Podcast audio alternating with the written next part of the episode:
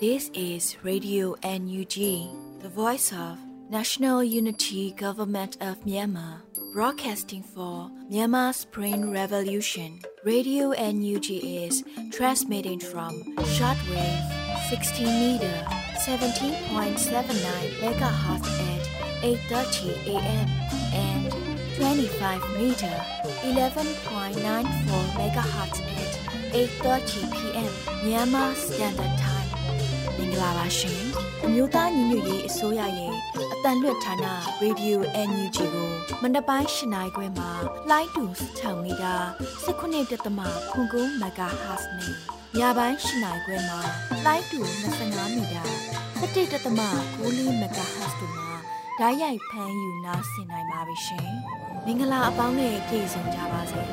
အခုချိန်ကစပြီး Radio NUG စီစဉ်လေးကိုဓာတ်ရိုက်အတန်လွှင့်ပေးနေပါပြီ မြန်မာနိုင်ငံသူနိုင်ငံသားအပေါင်းတဘာဝပြီးစစ်အာဏာရှင်ဘေးရွာနေကင်းဝေးပြီးကိုစိတ်နှပါကြားမှလုံခြုံပေးကင်းကြပါစေလို့ Radio UNG အဖွဲ့သူအဖွဲ့သားများကဆုတောင်းမေတ္တာပို့သလိုက်ရပါတယ်ရှင်။အခုချိန်ကစပြီး Radio UNG ရဲ့မနက်ခင်းပြည်တွင်သတင်းများကိုຫນွေဦးနိုင်ကဖတ်ကြားတင်ပြပေးသွားပါမယ်ရှင်။ မင်္ဂလာပါခင်ဗျာ2024ခုနှစ်ဇန်နဝါရီလ6ရက်နေ့မနက်ပိုင်း Radio NUG သတင်းများကိုတင်ပြပေးပါတော့မယ်ကျွန်တော်ကတော့ຫນွေဦးနိုင်ပါအခုပထမဆုံးအနေနဲ့တရုတ်နိုင်ငံဆိုင်ရာမူဝါဒထုတ်ပြန်ချက်နဲ့ပတ်သက်ပြီးတော့စိုးရင်ပူပန်စရာမလိုဘူးလို့နိုင်ငံခြားရေးဝန်ကြီးဒေါ်စင်မာအောင်ပြောဆိုတဲ့သတင်းကိုတင်ပြပေးပါမယ် တရုတ်နိုင်ငံဆိုင်ရာမူဝါဒထုတ်ပြန်ချက်နဲ့ပတ်သက်ပြီးတော့စိုးရင်ပူပန်စရာမရှိဘူးလို့နိုင်ငံခြားရေးဝန်ကြီးဒေါ်စင်မာအောင်ကဆိုပါတယ်။ဇန်နဝါရီလအတွင်းမေးမြန်းခန်းတစ်ခုမှာ NUG နိုင်ငံခြားရေးဝန်ကြီးဒေါ်စင်မာအောင်ကအခုလိုပြောကြားခဲ့ပါတယ်။တရုတ်နိုင်ငံဆိုင်ရာမူဝါဒကိုထုတ်ပြန်လိုက်လို့ NUG ကတရုတ်နဲ့နှီးဆက်သွားမယ်ဆိုတဲ့စိုးရင်ပူပန်ချက်တွေကတော့ကျမအနေနဲ့မစိုးရင်ပါနဲ့လို့ပဲပြောချင်ပါတယ်။ဘာဖြစ်လို့လဲဆိုတော့ကမ္ဘာနိုင်ငံရေးဆိုတာအားလုံး balance လုပ်နေကြတာပဲဖြစ်ပါတယ်။ဟို တုန်းကလည်းကျမတို့ကိုပြောတယ်နိုင်ငံခြားရေးဝန်ကြီးဌာနကိုအနောက်နဲ့နီးလွန်နဲ့အိန္ဒိချင်းနိုင်ငံတွေနဲ့ကြတော့ဆက်ဆံရေးမလုပ်ကြဘူးလားအိန္ဒိယနဲ့ရောထိုင်းနဲ့ရောအာဆီယံနဲ့ရောပေါ့အနောက်ဘက်ရိမ့်တယ်လို့ဒီလူတွေပဲဝေဖန်ကြတာပဲအခုလေဒီလိုမျိုးတရုတ်နိုင်ငံဆိုင်ရာမူဝါဒထုတ်ပြန်လို့တခြားသောနိုင်ငံတွေနဲ့ကင်းကွာသွားမယ်လို့လည်းပြောကြပြန်တယ်ပေါ့ကျမတို့ကဘလန်စီလုပ်ပြီးတော့ဆက်သွယ်ဆောင်ရွက်နေကြတာတွေပဲဖြစ်ပါတယ်။ ဒါကြောင့်စိုးရိမ်စရာမရှိပါဘူးလို့ဆိုပါတယ်။2024ခုနှစ်ဇန်နဝါရီလ1ရက်အမျိုးသားညီညွတ်ရေးအစိုးရ၏တရုတ်နိုင်ငံဆိုင်ရာသဘောထားအချက်10ချက်ကိုထုတ်ပြန်ခဲ့ပြီးတော့၎င်းတို့ထဲမှာနှစ်နိုင်ငံပြည်သူများ၏အကျိုးစီးပွားဖြစ်ထွန်းရေးကို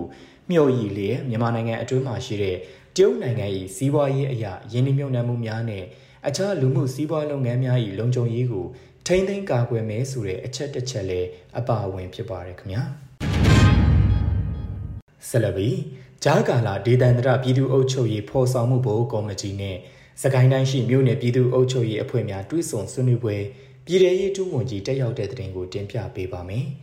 အမျိုးသားညီညွတ်ရေးအစိုးရဂျာကာလာဒေသန္တရပြည်သူ့အုပ်ချုပ်ရေးဖော်ဆောင်မှုဘို့ကော်မတီနဲ့စကိုင်းတိုင်းမြို့နယ်ပြည်သူ့အုပ်ချုပ်ရေးအဖွဲ့များတွဲဆုံဆွေးနွေးပွဲကိုဇန်နဝါရီလ9ရက်နေ့မှာကျင်းပခဲ့ပါတယ်။အစည်းအဝေးကိုဂျာကာလာဒေသန္တရပြည်သူ့အုပ်ချုပ်ရေးဖော်ဆောင်မှုဘို့ကော်မတီ အထွေထွေအတွင်းရေးမှု1ပြည်ထရေးနဲ့လူဝင်မှုကြီးကြပ်ရေးဝန်ကြီးဌာနဒုတိယဝန်ကြီးခုထဲဘူးကတက်ရောက်ကာအဖွင့်အမှားစကားပြောကြားခဲ့ပါတယ်။ဆက်လက်ပြီးဝန်ကြီးဌာနများမှလုပ်ငန်းစဉ်များနဲ့ပတ်သက်ပြီးတော့ရှင်းလင်းပြောကြားခဲ့ကာမြို့နယ်ပြည်သူ့အုပ်ချုပ်ရေးအဖွဲ့ဝင်များမှမူဝါဒလမ်းညွှန်ချက်များလုပ်ငန်းဆောင်ရွက်ချက်များမြေပြင်အခက်အခဲများအပေါ်တရှိလိုတာများကိုမေးမြန်းဆွေးနွေးခဲ့ကြပြီးတော့ဝန်ကြီးဌာနရဲ့တာဝန်ရှိသူများမှပြန်လည်ဖြေကြားခဲ့ကြပါတယ်။ အစည်းအဝေးကိုဒုတိယဝန်ကြီးခုထဲဘူးကဦးဆောင်ကအမြဲတမ်းအတွင်းဝန်များတွဲဘက်အမြဲတမ်းအတွင်းဝန်များဌာနဆိုင်ရာများမှတာဝန်ရှိသူများစကိုင်းတိုင်းရှိမြို့နယ်ပြည်သူ့အုပ်ချုပ်ရေးအဖွဲ့ခေါင်းဆောင်များအဖွဲ့ဝင်များတက်ရောက်ခဲ့ကြပါတယ်ခင်ဗျာစစ်ကောင်စီတပ်သားများအနေနဲ့လက်ရှိလောက်ကိုင်ဖြစ်စဉ်ကိုကြည့်ပြီးတော့ တကယ်ကိုအမြင်မှန်ရသင့်ပြီလို့လူခွင့်ရေးဆိုင်ရာဒုတိယဝန်ကြီးပြောတဲ့သတင်းကိုတင်ပြပေးပါမယ်။စစ်ကောင်စီတပ်သားများအနေနဲ့လက်ရှိလောက်ကိုင်ဖြစ်စဉ်ကိုကြည့်ပြီးတော့တကယ်ကိုအမြင်မှန်ရသင့်ပြီလို့လူခွင့်ရေးဆိုင်ရာဒုဝန်ကြီးခွန်ပဟန်းထံကဇန်နဝါရီလ9ရက်နေ့မှာဆိုရှယ်မီဒီယာကတဆင့်ပြောကြားထားပါတယ်။စစ်ကောင်စီတပ်မတော်သားများအနေနဲ့လက်ရှိလောက်ကိုင်ဖြစ်စဉ်ကိုကြည့်ပြီးတော့တကယ်ကိုအမြင်မှန်ရသင့်ပါပြီ။တစုံတရာခုခံတိုက်ခိုက်ခြင်းမပြုဘဲတော်လှန်ရေးမဟာမိတ်အဖွဲ့ကိုလက်နက်ချအညံ့ခံမယ်ဆိုရင် ထိခိုက်သေးချေမှုမရှိဘဲနဲ့စစ်ကောင်စီရဲ့တက်ဖွဲ့ဝင်အားလုံးနဲ့မိသားစုဝင်တွေကိုလိုရာခရီးကိုပို့ဆောင်ပေးခဲ့တာကိုတွေ့မြင်ရမှာပါကျွန်တော်တို့တွေလက်နက်ကင်တိုက်ပွဲဝင်နေတာသွေးစာလို့လက်နက်ကင်ချင်းလွန်းလို့မဟုတ်ဘူးဆိုတာတွေ့မြင်ရမှာပါလူသားဆန်မှုတုံပန်းဥပဒေတွေကိုလေးစားလိုက်နာမှုစတဲ့ဥပဒေတွေကိုလေးစားတံပိုးထားတဲ့တရားမျှတမှုနဲ့ဒန်းတူရေးအတွက်သာတိုက်ပွဲဝင်နေကြတဲ့ဒေါ်လာရေးသမားတွေပဲဖြစ်တယ်လို့ဆိုပါတယ်။ လောက်ကင်မျိုးကလက်နက်ချအညံ့ခံတဲ့စစ်သားများအရာရှိများပြည်သူစစ်များဌာနဆိုင်ရာဝန်ထမ်းများစုစုပေါင်း3924ဦးရှိပြီးတော့အားလုံးကိုလိုရာခရီးသွားနိုင်ဖို့ MNDAA ကစီစဉ်ပေးခဲ့ပါတယ်။ဒေါ်လာရေးကလည်းပြည်နယ်တစ်ခုအတွက်ဒေသတစ်ခုအတွက်လူမျိုးတစ်မျိုးအတွက်တိုက်နေကြတာမဟုတ်ပဲဆီအာနာရှင်စနစ်ဖြုတ်ချမှုနဲ့အတူစနစ်တစ်ပြည်တော်စုအသစ်အတွက်ပြောင်းလဲနိုင်ဖို့တိုက်နေကြတာပဲဖြစ်ပါတယ်။ ဒါကြောင့်စစ်ကောင်စီတက်မတော်သားများအားလုံးအားလုံးပြည်သူ့ဘက်ကိုအမြန်ဆုံးပူးပေါင်းနိုင်ပါစေလို့လူခွင့်ရေးဒုတိယဝန်ကြီးကထပ်လောင်းဆိုထားပါတယ်ခင်ဗျာ။ရှမ်းပြည်နယ်မြောက်ပိုင်းတိုက်ပွဲများမှာစကားစတက်ကလေကြောင်းပစ်ကူနဲ့လက်နက်ကြီးများကျိန်ပန်များစွာအုံပြုတိုက်ခိုက်နေရတဲ့တဲ့ရင်ကိုတင်ပြပေးပါမယ်။ရှမ်းပြည်နယ်မြောက်ပိုင်းတိုက်ပွဲများမှာစကားစတက်ကလေကြောင်းပစ်ကူနဲ့လက်နက်ကြီးများကျိန်ပန်များစွာအုံပြုတိုက်ခိုက်နေရတယ်လို့ဇန်နဝါရီလ9ရက် 10-20ခွန်စစ်စင်ရေးကို TNL ကအတည်ပြုဆိုပါတယ်။တမဟာ9စစ်ဒေသ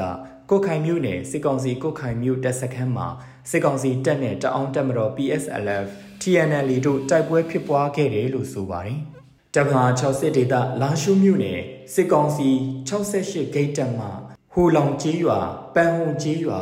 ကုန်းညောင်ကြီးရွာအနီးတစ်ဝိုက်သို့လက်နက်ကြီးဖြင့်48ကြိမ်ပစ်ခတ်တိုက်ခိုက်ခဲ့ပြီးတော့မုံမင်းမြို့နယ် စစ်ကောင်စီတပ်မှအထက်ညောင်ကုန်းကြီးရွာသို့လက်နက်ကြီးဖြင့်12ကြိမ်ပစ်ခတ်တိုက်ခိုက်ခဲ့ပါတယ်။တမဟာ၄စစ်ဒေသနမ်တူမြို့နယ်မန်စာကျေးရွာမှာစီကောင်စီတပ်မှ Jet Fighter ဖြစ်2ကြိမ် Y12 ဖြစ်1ကြိမ်လာရောက်ပစ်ခတ်တိုက်ခိုက်ခဲ့ပြီးတော့ကိုခိုင်မြို့နယ်မှာစစ်ကောင်စီတပ်မှ Y12 ဖြစ်1ကြိမ်လာရောက်ပစ်ခတ်တိုက်ခိုက်ခဲ့ပါတယ်။ တမဟာ3စစ်ဒေသမိုးမင်းမြို့နယ်စစ်ကောင်စီစကခ21နဲ့ခလာရ223အခြေချတက်ဆွေးထားတဲ့ကြံကန်စင်ကင်တက်စခန်းကိုဇန်နဝါရီလ9ရက်နေ့မနက်9:00နာရီခွဲအချိန်မှာတအောင်တက်မတော် PSLF TNL မှဝင်ရောက်ရှင်းလင်းသိမ်းပိုက်နိုင်ခဲ့ပါတယ်ခင်ဗျာ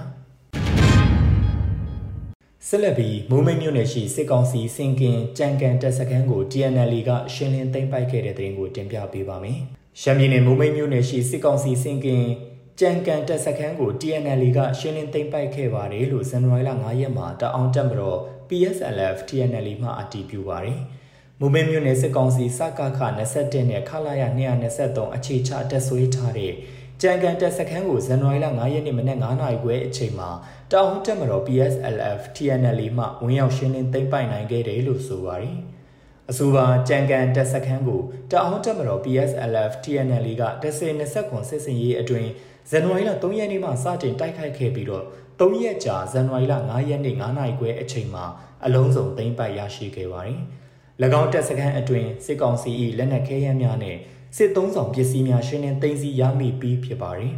စစ်ကောင်စီစင်ကင်ကြံကန်တပ်စခန်းကိုတိုက်ခိုက်နေစဉ်အတွင်းစစ်ကောင်စီမိုးမိတ်တပ်စခန်းမှလက်နက်ကြီးပစ်ခတ်တိုက်ခိုက်မှု18ကြိမ်နဲ့ လေကြောင်းတိုက်ခိုက်မှု Jet Fighter 2ကြိမ်အသုံးပြုတိုက်ခိုက်ခဲ့တယ်လို့သိရပါရခင်ဗျာဆက်လက်ပြီးအနောက်မြောက်တိုင်းစစ်ဌာနချုပ်မှဦးစီးကျင်းပတဲ့လွတ်လပ်ရေးနေ့အခမ်းအနားကိုဇာမနီစစ်စင်ရေးဖြင့်ဝီဟင်မှတိုက်ခိုက်ခဲ့တဲ့သတင်းကိုတင်ပြပေးပါမယ်။အနောက်မြောက်တိုင်းစစ်ဌာနချုပ်မှဦးစီးကျင်းပတဲ့လွတ်လပ်ရေးနေ့အခမ်းအနားကိုဇာမနီစစ်စင်ရေးဖြင့်ဝီဟင်မှတိုက်ခိုက်ခဲ့တယ်လို့ဇန်နဝါရီလ9ရက်နေ့မှာ KLG PDF ကြောက်လုံးကြီးတပ်ဖွဲ့မှအတည်ပြုဆိုထားပါတယ်။ အနောက်မြောက်တိုင်းစစ်ဌာနချုပ်မှဦးစီးကျင်းပတဲ့ဇန်နဝါရီလ4ရက်လွတ်လပ်ရေးနေ့အခမ်းအနားစတင်နေချိန်မနက်9:00နာရီဝန်းကျင်အချိန်ကမှာအခမ်းအနားကျင်းပရာစစ်တိုင်းယုံထပရ9နှစ်9နဲ့စရဖာနာခါတို့ကိုကာမီကာစီဒရုန်း60မမဘုံဒီများလက်လုံလျှော့ဒရုန်းများအသုံးပြုပြီးတော့တိုက်ခိုက်ခဲ့တယ်လို့ဆိုပါတယ်။အဆိုပါတိုက်ခိုက်မှုကြောင့်ထပရ9နှစ်9စရဖာနာခါနဲ့တိုင်းစစ်ဌာနရုံးဝန်းအတွင်းမှာရှိတဲ့ ဖရိတ်ကွင်းအရာရှိရိတ်တာတို့ထိခိုက်ပျက်စီးမှုရှိခဲ့ပြီးတော့စာရဖများယာယီရုံးထိုင်လျက်ရှိတဲ့အဆောက်အုံပေါ်သို့ကြားရောက်ခဲ့တဲ့60မမဘုံဒီပောက်ကွဲမှုကြောင့်စကားစများအများအပြားထိခိုက်ဒေဆုံးနိုင်ပြီးတော့မော်တော်ယာဉ်တစ်စီးပါမီးလောင်ပျက်စီးခဲ့တယ်လို့သိရပါတယ်။ထထို့အတူအခမ်းအနားပြုလုပ်နေတဲ့တိုင်းစစ်ဌာနချုပ်ရုံးအတွင်းရှိပရိတ်ကွင်းတဲသို့လက်လုံလျှော့တုံးနှလုံးအရာရှိလိုင်းကန်ပတ်ဝန်းကျင်တဝိုက်မှာနှလုံးကျရောက်ပေါက်ကွဲခဲ့တယ်လို့သိရပါတယ်။ လက်လုံလျှော့တိုက်တုံးတစ်လုံးမှာလည်းမုံရွာလေရင်ကွင်းအရှိမြောက်ဘက်ကင်းစခန်းအနီးကျရောက်ပေါက်ကွဲခဲ့ပါတယ်။တိုက်ခိုက်မှုကိုရင်းမပင်ခရိုင်တရင်21 22 23 KLG PDF ကြောက်လုံးကြီးတပ်ဖွဲ့မှဦးဆောင်ပြီး Children Revolution Army CRA One Star Task Force OSTF Dragon Brothers Task Force DBTF Children Brother စတဲ့မဟာမိတ်အဖွဲ့များနဲ့အတူ Operation Phoenix ဇာမနီစစ်စင်ရေးဤတစိမ့်တစ်ပိုင်းအဖြစ်ပူးပေါင်းဆောင်ရွက်ခဲ့ခြင်းဖြစ်တယ်လို့သိရပါတယ်ခင်ဗျာဟိုပန်မြို့ကိုတိမ့်ပိုက်တဲ့တိုက်ပွဲမှာဗမာပြည်သူလွတ်မြောက်ရေးတပ်တော် BPLA မဟာမိတ်များနဲ့အတူပါဝင်ခဲ့တဲ့တဲ့တင်ကိုတင်ပြပေးပါမယ်။ဟိုပန်မြို့ကိုတိမ့်ပိုက်တဲ့တိုက်ပွဲမှာဗမာပြည်သူလွတ်မြောက်ရေးတပ်တော် BPLA မဟာမိတ်များနဲ့အတူပါဝင်ခဲ့တယ်လို့ဇန်နဝါရီလ9ရက်နေ့မှာဗမာပြည်သူလွတ်မြောက်ရေးတပ်တော် BPLA ကတရားဝင်အသိပေးဆိုပါတယ်။ဟိုပန်မြို့ရှိခလာရ145တပ်ရင်စစ်ကောင်စီလက်အောက်ခံရဲစခန်းစေးရုံအပါဝင်ဌာနဆိုင်ရာရုံးများကို MNDAA အပါဝင်ညီနောင်သုံးဘွဲကတိုက်ခိုက်သိမ်းပိုက်ခဲ့ပါတယ်။လက်ရှိအချိန်မှာ UWSA ဝါတက်မတော်ကိုမြို့အားပြန်လည်လွှဲပြောင်းပေးအပ်ခဲ့ကြောင်းဒေသသတင်းအရင်းမြစ်များထံကသိရှိရပါတယ်ခင်ဗျာ။ ကြောက်တကားမြို့နယ်အတွင်းမှာရှိတဲ့ပြည်သူလူထုအပေါ်နှီးမျိုးစုံဖြင့်ချင်းချောက်ပြီးတော့အထမငွေကြေးကောက်ခံနေကြောင်းသတင်းရရှိပြီးကြုံတွေ့သူများအနေနဲ့ကြောက်တကားမြို့နယ်ပြည်သူ့ကာကွယ်ရေးအဖွဲ့ထံအကြောင်းကြားပေးရန်အတည်ပြုထားတဲ့သတင်းကိုတင်ပြပေးပါမယ်။ကြောက်တကားမြို့နယ်အတွင်းမှာရှိတဲ့ပြည်သူလူထုအပေါ်နှီးမျိုးစုံဖြင့်ချင်းချောက်ပြီးတော့အထမငွေကြေးကောက်ခံနေကြောင်းသတင်းရရှိပြီးကြုံတွေ့သူများအနေနဲ့ကြောက်တကားမြို့နယ်ပြည်သူ့ကာကွယ်ရေးအဖွဲ့ထံအကြောင်းကြားပေးရန်ဇန်နဝါရီလ9ရက်နေ့မှာ ကြောက်တကားမြို့နယ်ပြည်သူ့ကာကွယ်ရေးအဖွဲ့ကကြေညာထားပါတယ်။ယခုအခါတော်လိုင်းကိုအုံချပြီးတော့အဖွဲ့အစည်းနဲ့လူပုဂ္ဂိုလ်တချို့ကကြောက်တကားမြို့နယ်အတွင်းမှာရှိတဲ့ပြည်သူလူထုအပေါ်နှီးမျိုးစုံဖြင့်ချင်းချောက်ပြီးအထမငွေကြေးကောက်ခံနေသည်ဟုမိဘပြည်သူများထံကတဆင့်ကြားသိရတယ်လို့ဆိုပါတယ်။ကြောက်တကားမြို့နယ်ပြည်သူ့ကာကွယ်ရေးအဖွဲ့မြို့နယ်ပြည်သူ့အုပ်ချုပ်ရေးအဖွဲ့ပြည်သူ့ကာကွယ်ရေးတပ်ဖွဲ့ဝင်များအနေနဲ့ပြည်သူလူထုထံကငွေကြေးကောက်ခံခြင်းတောင်းခံခြင်းများလုံးဝလုံးဝလှုံ့ဆော်ခဲ့ခြင်းမရှိပါကြောင်း အသိပေးအပ်တယ်လို့ဖော်ပြထားပါတယ်။ကြောက်တကားမြို့နယ်အတွင်းမှာရှိတဲ့ပြည်သူလူထုအနေနဲ့အလားတူချင်းချောက်ပြီးတော့အဓမ္မငွေကြေးကောက်ခံမှုများနဲ့ရင်ဆိုင်ကြုံတွေ့လာရပါကကြောက်တကားမြို့နယ်ပြည်သူ့ကာကွယ်ရေးအဖွဲ့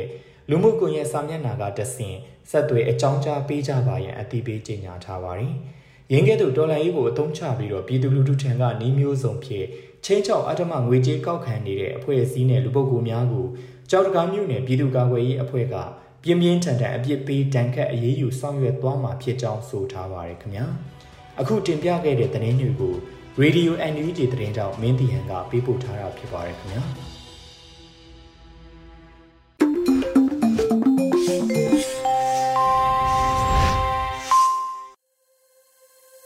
ခင်းသတင်းများကိုနားဆင်ရတာဖြစ်ပါတယ်ဆက်လက်ပြီးတော်လှိုင်းကဗျာကဏ္ဍအစီအစဉ်ကနေညနညံရေးဖွဲ့ထားတဲ့ကြေကွဲလူငယ်ဆိုတဲ့ကဗျာကိုຫນွေဦးမှုကခန်းစားရွတ်ဖတ်ထားပါတယ်ရှင်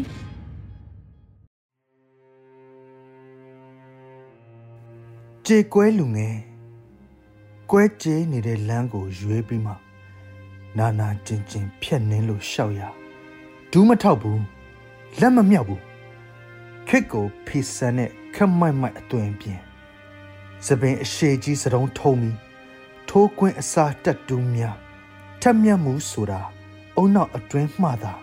စီးဆင်းလာတာမဟုတ်နှလုံးသားရဲ့အနက်ရှိုင်းထဲမှာယိုစီးကြနေတဲ့သွေးဆက်တွေကကြေကွဲရငိုယိုနေတဲ့မျက်ရည်တွေကပူလောင်ရပိတ်လောင်မွန်းချက်မှုတွေကအသက်ရှူကြက်ရ အသေးတခါကွဲရတာထက်ဆိုးလာတဲ့ဘဝကြည်စံတတောက်ရဲ့ပြုံမြင့်ခြင်းနဲ့အသက်တရဲ့ကြီးလာခဲ့ရစကုတ်နယ်ပယ်တွေကျဲလာသမျှလောကလူပေါင်းဟာကျင်းမြောင်းလာခဲ့ပေါ်စီးဆင်းနေတဲ့လူငယ်တုအတန်မှာဂျေနန်းစာတွေကကောက်ကြောင်းများအဖြစ်လေးလံတဲ့ဝန်တာတွေထမ်းပြီးလှမ်းခဲ့ရတဲ့လမ်းမှာ တာဝန်တွေကိုစီရှိခဲ့ကြရသမျှငါတို့အတွက်ငါတို့ပဲရှိတဲ့ကြေ क्वे စရလူငယ်များညာနာညာ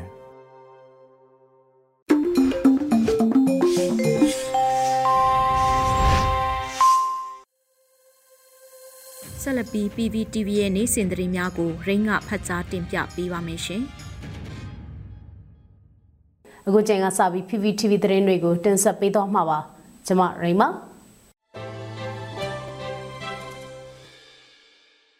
ပထမဆုံးတင်ဆက်ပေးသွားမယ့်သတင်းကတော့ဗီဒိန်နဲ့လူမှုကြီးကြပ်ရေးဝန်ကြီးဌာနနဲ့ခရိုင်ပြည်သူ့အုပ်ချုပ်ရေးအဖွဲ့များတွဲဆုံဆွေးနွေးတဲ့သတင်းမှာအမျိုးသားညွရေးအစိုးရပြည်ထောင်နဲ့လူမှုကြီးကြပ်ရေးဝန်ကြီးဌာနနဲ့စကိုင်းတိုင်းမကွေးတိုင်းတို့မှာရှိတဲ့ခရိုင်ပြည်သူ့အုပ်ချုပ်ရေးအဖွဲ့များတွဲဆုံဆွေးနွေးမှုအစည်းအဝေးတင်မြင့်ဆောင်2024ကိုဇန်နဝါရီ၄ရက်မွန်းလွဲ3နိုင်မှာပြုလုပ်ခဲ့ကြပါတယ်။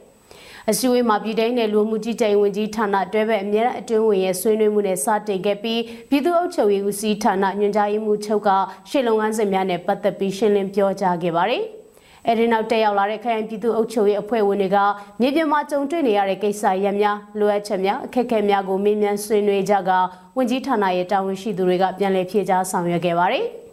အဆိုပါအစည်းအဝေးကိုတွဲဘက်အမြဲတမ်းအတွင်းဝန်မှဦးဆောင်ကပြည်သူ့အုပ်ချုပ်ရေးဦးစီးဌာနတာဝန်ရှိသူများစကိုင်းတိုင်းမကွေးတိုင်းမှာရှိတဲ့ခရိုင်ပြည်သူ့အုပ်ချုပ်ရေးအဖွဲ့များမှတက်ရောက်ခဲ့ကြတယ်လို့ပြည်ထောင်နယ်လူမှုကြီးကြပ်ရေးဝန်ကြီးဌာနကသတင်းထုတ်ပြန်ထားပါတယ်။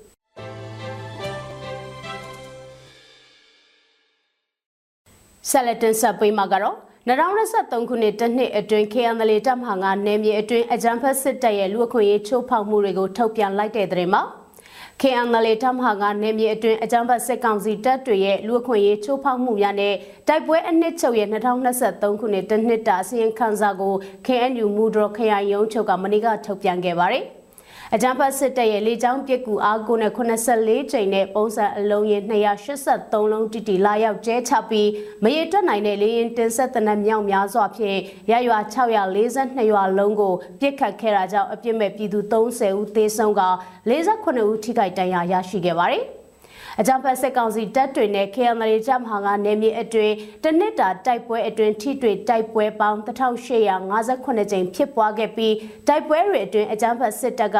တိုက်ရင်မှု2ဦးတက်ခွဲမှု3ဦးဒုခွဲမှု3ဦးတက်ကြကြီး5ဦးတက်ကြ3ဦးအပါအဝင်869ဦးသေဆုံးခဲ့က တက်ခွဲမှု3ဦးဗိုလ်တပွင့်2ဦးတက်ကြကြီး2ဦးနဲ့ဒုတက်ကြ2ဦးအပါအဝင်609ဦးထိခိုက်ဒဏ်ရာရရှိခဲ့ကြောင်းဖော်ပြထားပါတယ်။2023ခုနှစ်အတွင်းအကြမ်းဖက်စစ်တပ်ရဲ့တပ်သား30ဦးသည်တပ်မဟာ9ထံအလင်းဝင်ရောက်လာခဲ့ကြောင်းနဲ့ KML တပ်မဟာ9ရဲ့စစ်သည်တော်45ဦးမြင့်မြတ်စွာတိုင်းပြည်နဲ့လူမျိုးအတွက်အသက်ဆုံးလွတ်ခဲ့ပြီးတရား183ဦးထိခိုက်ဒဏ်ရာရရှိခဲ့တယ်လို့အစီရင်ခံစာမှာထုတ်ပြန်ဖော်ပြထားပါတယ်။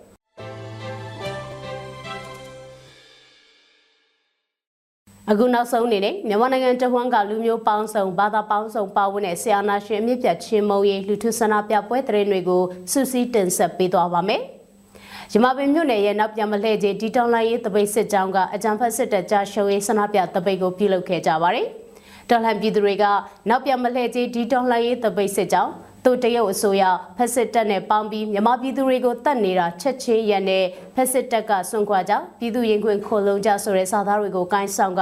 အကြောင်းဖက်စစ်တပ်ကြရှုံးရေးဟစ်ကြွေးမှုတွေပြုလုပ်ခဲ့ကြပါတယ်။စကိုင်းတိုင်းလက်ပရောင်းတော်ဒေသခံပြည်သူတွေကအကြောင်းဖက်စစ်တပ်ကြရှုံးရေးဆန္ဒပြတပိတ်ကိုဒီကနေ့မှပြုလုပ်ခဲ့ကြပါတယ်။ ဆန္ဒပြတော်လှန်ပြည်သူတွေကစစ်မှန်သောလွတ်လပ်မှုအတွက်မစုံမနစ်တိုက်ပွဲဝင်ကြဆိုတဲ့စာသားကိုကင်ဆွဲပြီးဆန္ဒပြချီတက်ခဲ့ကြတာပါရမပင်မြို့နယ်မှာအောင်လန်လွှတ်မြေတောင်းသွင်းနေတပိတ်စစ်ကြောင်းကအကြမ်းဖက်စစ်တပ်ကြရှုံးရေးဆန္ဒပြတပိတ်ကိုဒီကနေ့မှပြုလုပ်ခဲ့ကြပါတယ် ဆန္ဒပြတော်လှန်ပြည်သူတွေကအောက်လန်လွှင့်မြေတောင်းသွင်းနေတပိတ်စစ်ကြောင်းဆိုတဲ့စားသားတွေကိုကင်ဆွဲပြီးအကြမ်းဖက်စစ်တပ်ကြရှုံးရေးဟစ်ကြွေးမှုတွေပြုလုပ်ခဲ့ကြတာပါဒေသခံတော်လှန်ပြည်သူတွေဟာနေမြင့်မငိမ်သက်မှုတွေကြားတွေကနေအကြမ်းဖက်စစ်တပ်ကြရှုံးရေးဆန္ဒပြတပိတ်ကိုနေ့စဉ်ပြုလုပ်နေကြတာပဲဖြစ်ပါတယ်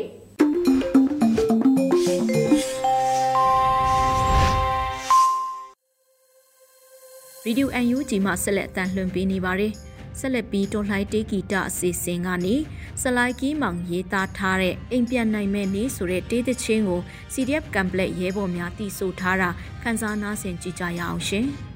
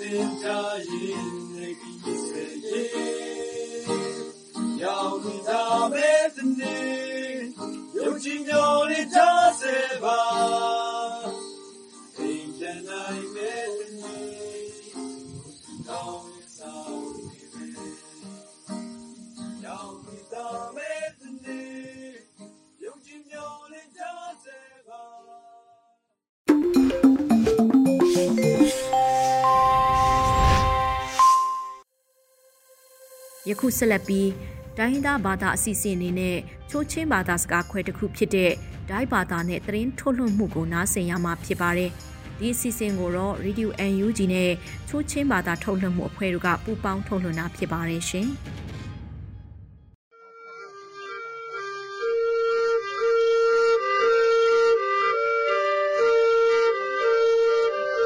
kaina khogu phai ti lu ning ya um tham ni tu ngoi khokum thong hi ko nung ku yak phu sik su kha akhum hum khun su matung ning hung ya ka thak tu nge sun ke dai salai no kaning ya thera tu khai ni aksu ka pale bam lu ne shindet wa se sa ngot hun e e no ani tum khut u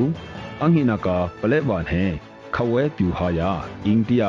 khomdek piyung ka point าเทระตุไคนี้อักสุกาปะเลบัมดุนเฮชินเด็ดวะเซซางอดหุนอีอีนออันิตุมขุดอูอังหินากาปะเลบานเฮขาวเวปิวหายาอิงเดียคมเด็กปียุงกาป่วยพรักทุมก็หนึ่งครุกิบยาคือเซซางอนหันปีอีอีนออันิมขุดอู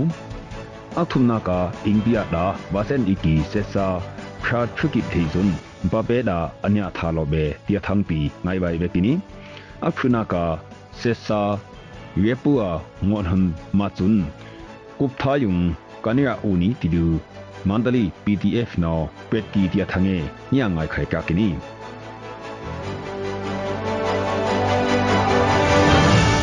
ပလဲမမ်ဒူဟဲရှင်းလက်ဝဆက်ဆာငွန်ဟန်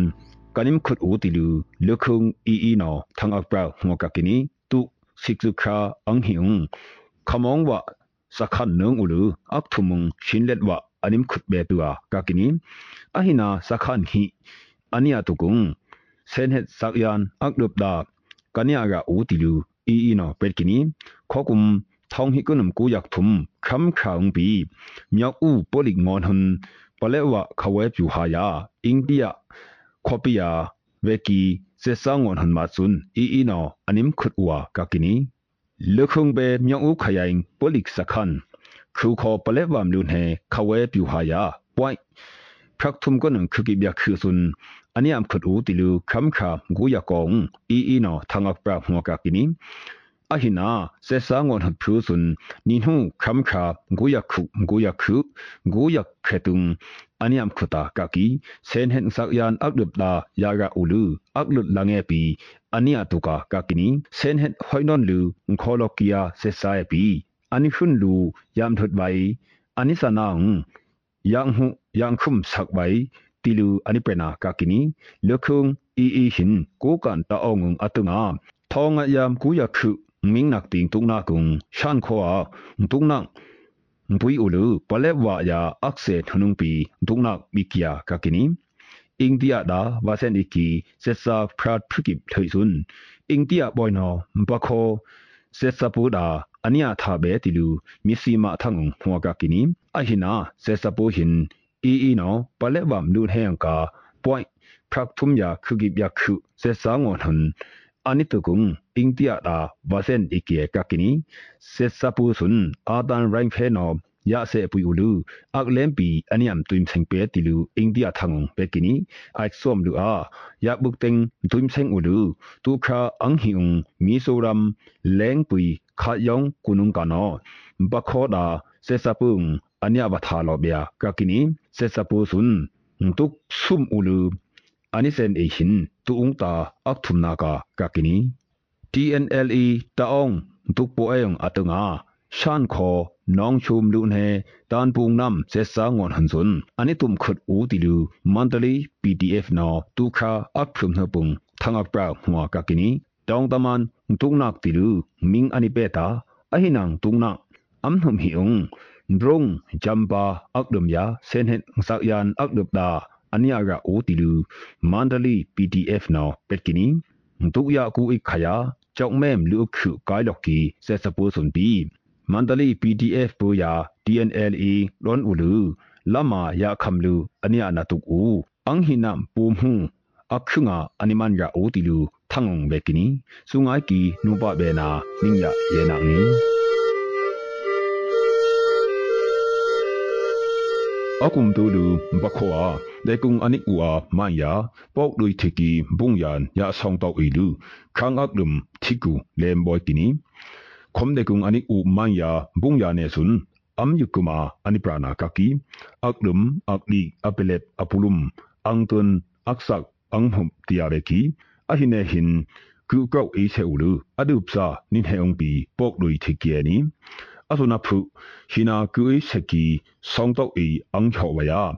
အတူလမ်ဖူမတ်ဝိုင်ထုကိနီဒေကုံအနိဥဝမန်ယာပေါကလွိတိကီဘုံယာနေဟင်အထာနုံတုအဝေနာအတိထာယာတုအဝေနာထုနာဝက်ကီယာကကီအဆုနာထွန်နာနိဝဖောင်ယမ်စင်းနာကေနနိယဘုံစီဝိုင်ပေါကလွိတိကီယေဆွန်းကုနနိယဟေခွိုင်ဘင်းဘင်းဝိုင်အဆုနေဆွန်းအကဒမာ ပေါကူလူယာလမ်ဆူသီကုစခောကီနီကုတ်ဥအေယန်ခောပုန်ယန်မိုင်းနနီယဖုန်ခရက်ဆေယံပီနနီယမ်သေးဘိုင်နဖူအာကုအကူအေဆေတာအထောနုံတာ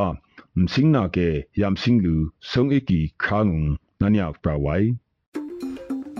ဒီကနေ့ကတော့ဒီညနေပဲ Radio NUG ရဲ့အစီအစဉ်လေးကိုခေတ္တရနာလိုက်ပါမယ်ရှင်မြန်မာစံတော်ချိန်မနေ့၈နိုင်ခွဲနဲ့ည၈နိုင်ခွဲအချိန်တွေမှာပြောင်းလဲဆိုပြကြပါလို့ရှင် Radio NUG ကိုမနေ့ပိုင်း၈နိုင်ခွဲမှာလိုင်းတူ16မီတာ19.7မဂါဟတ်နဲ့ညပိုင်း၈နိုင်ခွဲမှာလိုင်းတူ25မီတာ17.6မဂါဟတ်တို့မှာဓာတ်ရိုက်ဖမ်းယူ နားဆင်နိုင်ပါပြီရှင်မြန်မာနိုင်ငံသူနိုင်ငံသားများကိုစိတ်နှဖျားစမ်းမချမ်းသာလို့ဘေးကင်းလုံခြုံကြပါစေလို့ Radio NUG ရဲ့ဖွဲ့သူဖွဲ့သားများကဆုတောင်းလိုက်ရပါတယ်။ San Francisco Bay Area အခြေစိုက်မြန်မာမိသားစုများနိုင်ငံတကာကစေတနာရှင်များလိုအားပေးများရဲ့ Radio NUG ဖြစ်ပါတယ်ရှင်။အရေးတော်ပုံအောင်ရမည်။